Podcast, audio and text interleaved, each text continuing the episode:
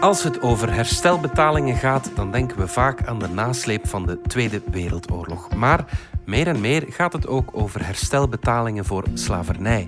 Californië verplicht bedrijven om hun links met slavernij bloot te geven. De stad Bristol werkt aan een compensatieplan en de Nederlandse Centrale Bank laat haar verantwoordelijkheid in het standhouden van slavernij uitzoeken door historici. Eeuwen na de feiten proberen compenseren voor slavernij. Is dat mogelijk? En waarom is dat nu een thema? Het is dinsdag 15 maart. Ik ben Alexander Lippenveld en dit is vandaag de dagelijkse podcast van de Standaard.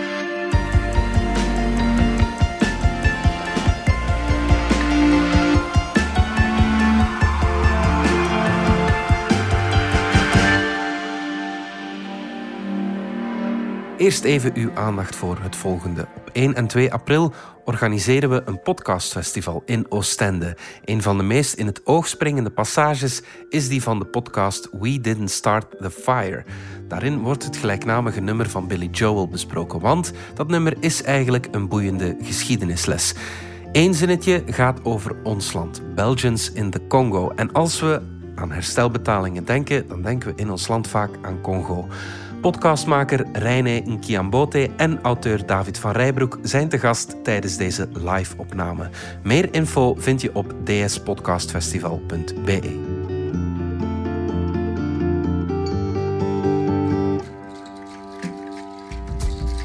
Giselle van onze buitenlandredactie. Het idee van herstelbetalingen, dat kennen we. Na de wereldoorlog werden die geëist van Duitsland. Ook Joodse families zijn financieel een stukje gecompenseerd voor hun leed. Waarover gaat deze discussie precies?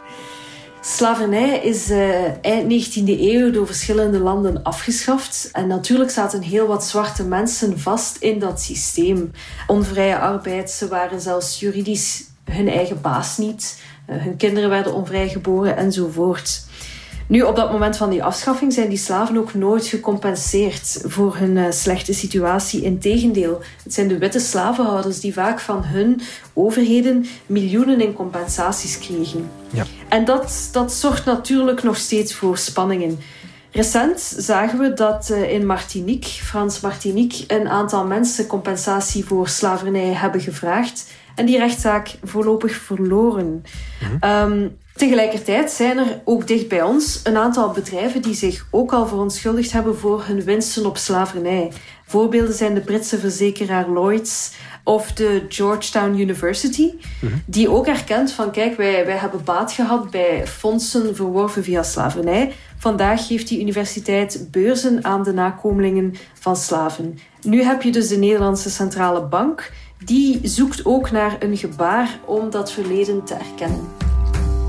Klaas Knot, de president van de Nederlandse Centrale Bank, die schreef in een persbericht dat de bank wil bijdragen aan de verwerking van het leed.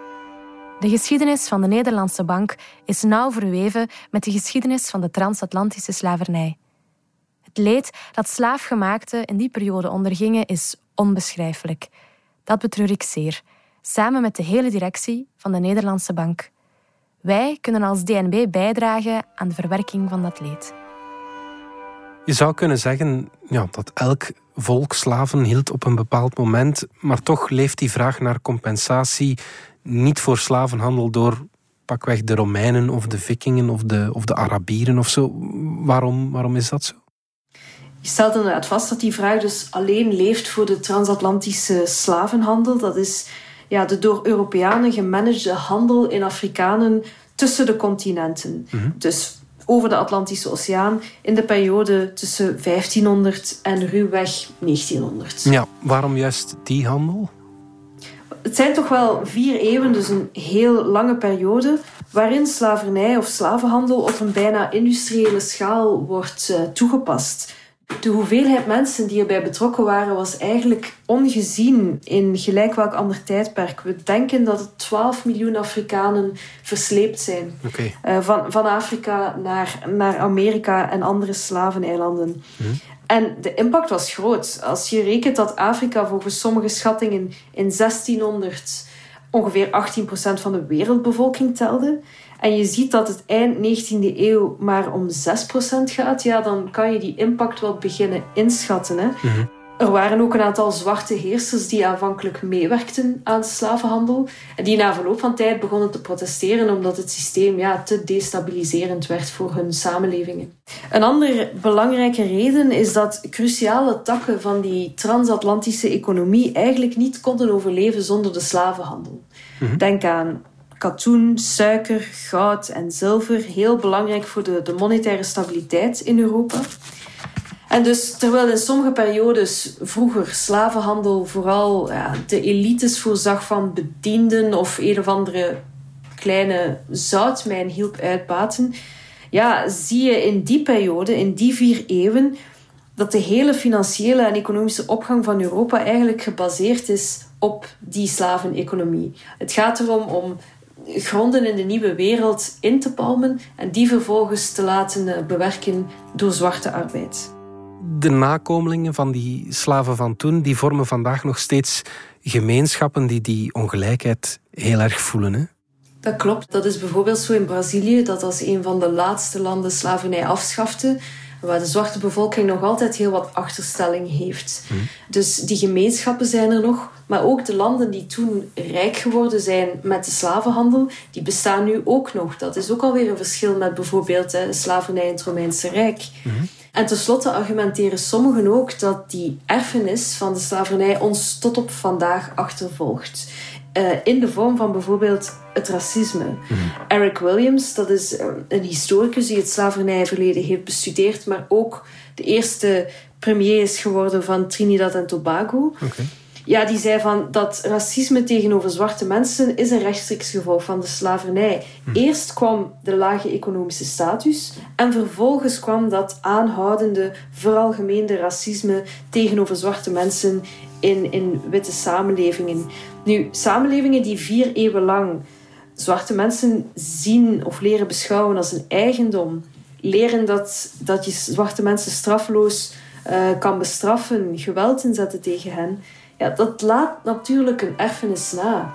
En we zien dat racisme ook letterlijk ontstaan in de, in de historische bronnen. De allereerste reisverslagen van Europeanen naar, uh, naar West-Afrika, die vertellen over Afrikanen als uh, een curieus volkje. Sommige dingen kunnen ze goed, andere kunnen ze minder goed. Dat is eigenlijk ja, een groep die anders is, maar niet zo ver van ons staat. Mhm. Naarmate dat de slavernij aan kracht wint en de slavenhandel groter wordt, ja, dan zie je allerlei intellectuelen in Europa spreken over hoe zwarten minderwaardig zijn, dichter bij de dieren aanleunen enzovoort. Waarom komt dat debat over die herstelbetalingen eigenlijk nu naar boven? De Black Lives Matter-beweging heeft het debat duidelijk wel een nieuwe energie gegeven bij jongere uh, mensen, wereldwijd overigens. Mm en daarom ja, zijn er mensen die zeggen van kijk, dit is echt wel de impact van generatie woke. Ja, standbeelden moeten verdwijnen enzovoort. Mhm. Maar ja, je kunt moeilijk doen of dit uit de lucht valt, uit het niets. Mhm. Eh, in de jaren 90 waren er al meerdere rechtszaken rond herstelbetalingen voor slavernij. Die zijn een beetje doodgebloed in de chaos van 9-11. Ja. En natuurlijk, zoals ik zei, die vraag voor compensatie voor het geleden onrecht was er eigenlijk al eind 19e eeuw, toen de slavernij gewoon werd afgeschaft. Ze is toen genegeerd. Hmm. Het herleefde opnieuw in de jaren 20 en 30, is opnieuw doodgebloed. Na Wereldoorlog 2 zagen Afro-Amerikanen dat uh, Joden herstelbetalingen kregen, maar ook Japanse Amerikanen die toen gedwongen geïnterneerd werden. En er begon een vraag op te komen van, ja, maar wat, wat met ons leed? Ja. Nu, je kan er niet aan voorbij dat het in die periode echt wel nog taboe bleef voor zwarte mensen om dit thema aan te kaarten. Het was eigenlijk zelfs levensgevaarlijk. Uh, denk aan Malcolm X, de zwarte Amerikaanse activist. In al zijn speeches heeft hij het regelmatig over de slavernij en hoe zijn gemeenschap zich moet bevrijden van die erfenis. We are oppressed. We are exploited. We are downtrodden. We are denied not only civil rights but even human rights. So the only way we're going to get some of this oppression and exploitation away from us or aside from us is come together against the common enemy. Wel, Malcolm X is vermoord en tot op vandaag proberen zijn nabestaanden uit te zoeken of de FBI daarbij betrokken was. Er zijn ernstige indicaties dat het zo was. Nog zo'n assertieve zwarte nationalist was uh, Patrice Lumumba, de eerste premier van Congo. In 1960 zegt hij in een speech tegenover de Belgische koning... Nous avons connu les ironies, les insultes... Ja, wij herinneren ons de slagen, de uitbuiting... Les coups que nous devions subir matin, midi et soir, parce que nous étions des nègres. En wij zijn nog niet klaar om, om dat verleden te begraven. We zijn daar nog niet klaar mee. Qui oubliera enfin les fusillades où périt tant de nos frères? Les cachons furent brutalement jetés. Ceux qui ne voulaient plus se soumettre au régime d'injustice, d'oppression et d'exploitation.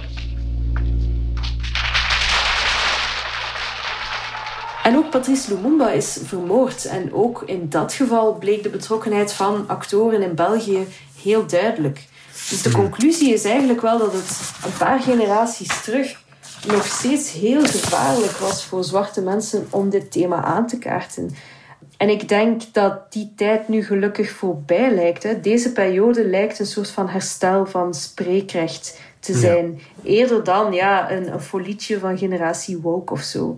Ja. Daarnaast heb je natuurlijk ook de impact van films, van onderwijs, van generaties die gewoon veel cultureel diverser zijn dan vroeger. En die staan daar dus ook meer open voor.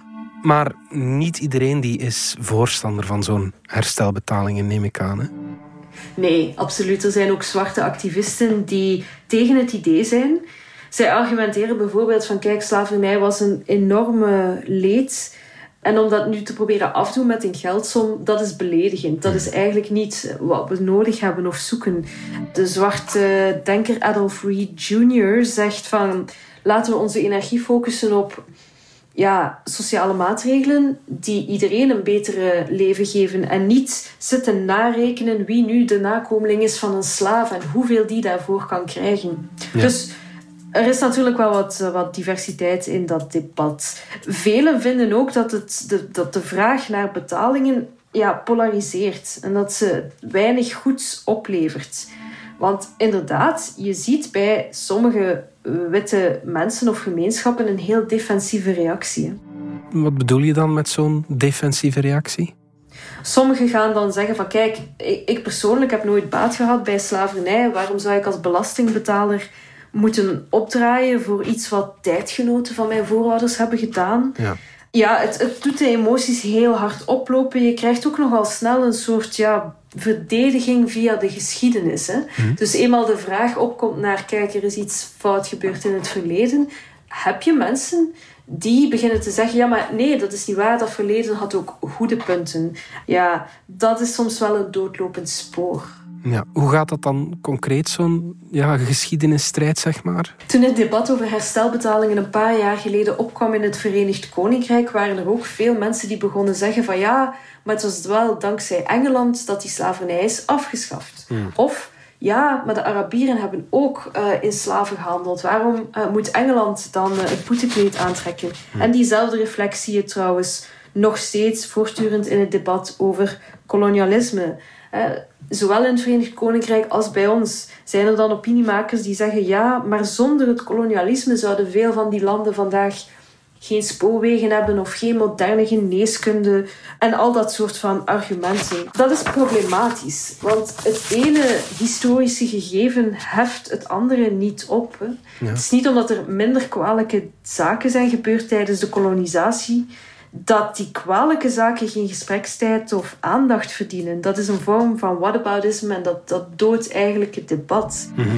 Bovendien doorstaan veel van die argumenten de toetsing van de, van de feiten ook niet. Hè. De reden dat slavernij of kolonisatie zo lang doorgingen, is omdat ze winstgevend waren, omdat ze veel opbrachten. Dat was de hoofdzaak. En, en de zogenaamde goede punten die dan in het debat vaak worden aangehaald, zijn eigenlijk neveneffecten. Hè? Het feit dat die spoorwegen er waren, het feit dat de Britten de weduweverbranding in India uh, hebben verboden. Maar die argumenten komen terug op. Hmm. En wie dat zegt, hè, wie dan bijvoorbeeld zegt van kijk, de Britten hebben toch de, uh, de, de Indiaanse vrouwen bevrijd van bepaalde praktijken, maar dan tegelijk voorbij gaat aan ja, hoe de Britten ongelijkheden hebben versterkt, religieuze groepen tegen elkaar opgezet, land en rijkdom hebben geroofd enzovoort. Ja. Ja, die vervalst eigenlijk de geschiedenis. Die kijkt met oogkleppen naar de geschiedenis, dat eigenlijk. Ja, en wie de geschiedenis vervalst, is ook gedoemd om ze te herhalen. Denk aan vorig jaar in Afghanistan. Hm. Daar is, het zijn westerse troepen weggetrokken. Hm. Toen ze binnenkwamen in Afghanistan, zoveel jaar terug, was het argument dat ze daar ook waren om Afghaanse vrouwen te bevrijden. Vorig jaar, in 2021, waren vrouwen eigenlijk zelfs geen onderwerp in de onderhandelingen met de Taliban. Nu, de vraag is, terug naar die herstelbetalingen. Hoe kun je geweld en uitbuiting van eeuwen terug, hoe kan je dat gaan vergoeden? Want de mensen die er rechtstreeks mee te maken hadden, ja, die zijn natuurlijk allemaal al dood. Het is inderdaad erg complex om juridisch hard te maken. Het ja, je zit dan vast in verjaringstermijnen. Hoe bepaal je de waarde van al die gestolen arbeid? Wie mag zich als beklaagde opstellen? Een actiegroep of moeten dat de familieleden zijn? Dus het is eindeloos en het vraagt vaak ja, heel intens onderzoek. En daarom worden die zaken vaak ook ja, uh, verworpen. Misschien is de grootste verdienste van het debat dan ook niet eens ja, het resultaat of het geld dat wordt betaald, maar het proces van bewustwording. Als mensen zien dat er geldsommen geëist worden, beseffen ze ook dat het menens is. Mm. En komt er een stroomversnelling in de erkenning. En dat, ja, zelfs als er geen sommen komen, dan heb je op het einde van de rit misschien een betere herdenking van slavernij. Een mhm. beter besef van wat de erfenis daarvan is. Uh, de VS bijvoorbeeld hebben 35.000 musea. Maar tot 2014 was er geen enkel museum dat het slavernijverleden herdacht. En dat zijn dingen die je op zijn minst wel raar kunt vinden. Er is dus, ondanks al die pogingen, nog niets concreets uit de bus gekomen in Martinique. Je zei het al, heeft een rechter de vraag om herstelbetalingen voorlopig toch verworpen. In de Amerikaanse Senaat ligt al jaren een voorstel voor herstelbetalingen. Dat wordt maar geen wet. Blijft het dan gewoon bij bewustwording en bij debat? Het lijkt vandaag misschien wel zo. Het lijkt alsof het een utopische vraag is die, die heel ver af lijkt, ondanks alle debat. Maar je weet natuurlijk niet of dat zo blijft. Werkelijk is dat activisten vandaag twee interessante nieuwe strategieën hebben uh, rond die herstelbetalingen. Vertel. In plaats van een staat voor de rechter te slepen, krijg je meer actiegroepen die nu een concreet bedrijf proberen te viseren. Okay. En dat betekent dat je de verantwoordelijkheid voor slavenhandel veel sneller kunt bepalen en dat je dus dingen sneller in beweging kan brengen. In Californië moeten bedrijven op dit moment hun connecties met slavenhandel blootgeven. En dat stelt ook klagers in de mogelijkheid om met dat bewijs naar een rechtbank te trekken. Okay. En het tweede, en zeker niet onbelangrijk element in heel dit verhaal, is de verhouding tussen arme landen en rijke landen. Mhm. Hoe minder harmonieus die zijn, hoe meer die vraag toch politiek is beginnen doorbreken. Mhm. In 2001 was er bijvoorbeeld een grote schuldencrisis bij de arme landen. En op een congres in Zuid-Afrika hebben sommigen daarvan als reactie tegenover ja, westerse of internationale geldschieters die vraag van herstelbetalingen voor het verleden op tafel gelegd. Mhm. Vandaag de dag probeert de Caraïbische gemeenschap, dat is eh, een groep van eilanden waar ooit met slavenarbeid suiker werd geteeld, die proberen een rechtszaak op te bouwen tegen hun voormalige kolonisatoren. Ja. Het advocatenkantoor dat die zaak behandelt, dat is Lee Day. Mhm. Nu, die firma Lee Day hebben vijf jaar geleden al een baanbrekend proces aangespannen tegen het Verenigd Koninkrijk. Mhm. En ze hebben gevraagd, kijk, wij willen genoegdoening voor misdaden van de Britse overheid tijdens de kolonisatie in Kenia en het mhm. neerslaan van de Mau Mau-rebellie. Ze hebben die zaak gewonnen. En zo is er uiteindelijk 19 miljoen pond vrijgekomen voor 5000 nabestaanden. Dus dit zijn zeker geen kansloze processen. Wij hebben natuurlijk ook een koloniaal verleden. Is het een thema, die herstelbetalingen, dat ook in België op tafel ligt? Voorlopig is het daar in België nogal wat stil rond. België bestond eigenlijk nog niet toen die slavenhandel eh, volop bezig was. En dus we hebben zowat ja, onze eigen problematiek gelinkt aan onze eigen geschiedenis. En dat gaat dan vooral over de kolonisatie en, en de wanpraktijken tijdens de kolonisatie. En dus minder per se over slavenhandel. Mhm. Ook dwangarbeid vergoeden in Congo. Ja, theoretisch zou je daar kunnen om vragen. Dat die vraag niet leeft bij activisten is misschien wat raar. Misschien komt het omdat veel van die bedrijven toen actief in Congo vandaag niet meer bestaan. En er dus ook niemand meer is die je kan aanspreken. Dus ja, de Belgische situatie is misschien toch wat anders dan die in Nederland, het Verenigd Koninkrijk en, en zeker de Verenigde Staten. Maar dat wil niet zeggen dat natuurlijk de gevoeligheid voor dat koloniaal onrecht echt wel leeft, echt wel opkomt en, en heel sterk vertegenwoordigd wordt. Eh, heel sterk uitgesproken door een groep ja, jonge, goed geïnformeerde en heel assertieve activisten. En er zijn allerlei dossiers waarop zich dat manifesteert. Mhm. De Congolese Métis-kinderen bijvoorbeeld, mhm. eh, die, die vragen op dit moment ook een schadevergoeding voor de manier waarop ze behandeld zijn door de Belgische staat. Toenmalig premier Charles Michel die bood in 2018 zijn verontschuldigingen aan de Métis-kinderen aan. Je présente mes excuses aux Métis issus de la colonisation belge à leurs familles pour les injustices et les souffrances qu'ils ont subies.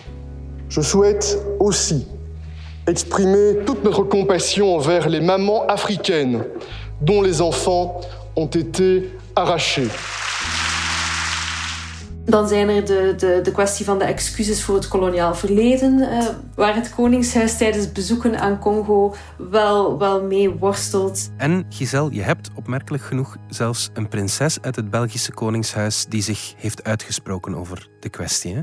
Dat was uh, prinses Esmeralda, die begin dit jaar een heel fel pleidooi uh, voor dekolonisatie uh, verspreiden in de pers. Ja, ze schreef een opiniestuk in de Brussels Times en zei het volgende aan de Franstalige nieuwszender LN24. La Belgique a un lourd passé colonial, comme, euh, comme la plupart des, des, des pays européens, mais en particulier le nôtre est quand même très douloureux.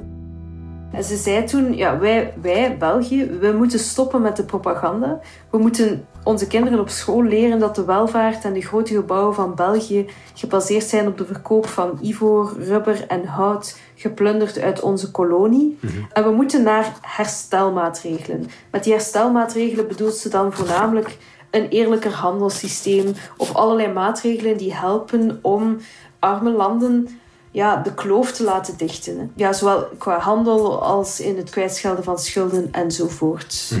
Et je pense que c'est important de le reconnaître, comme belge, comme membre de la famille royale, parce que un de mes, de mes ancêtres, mon arrière-grand-oncle, était le, le souverain à ce moment-là. Et je pense que c'est important d'en parler, c'est un, une responsabilité. Goed, het is hoe dan ook een heel interessante discussie. Giselle Nat, dankjewel. Graag gedaan.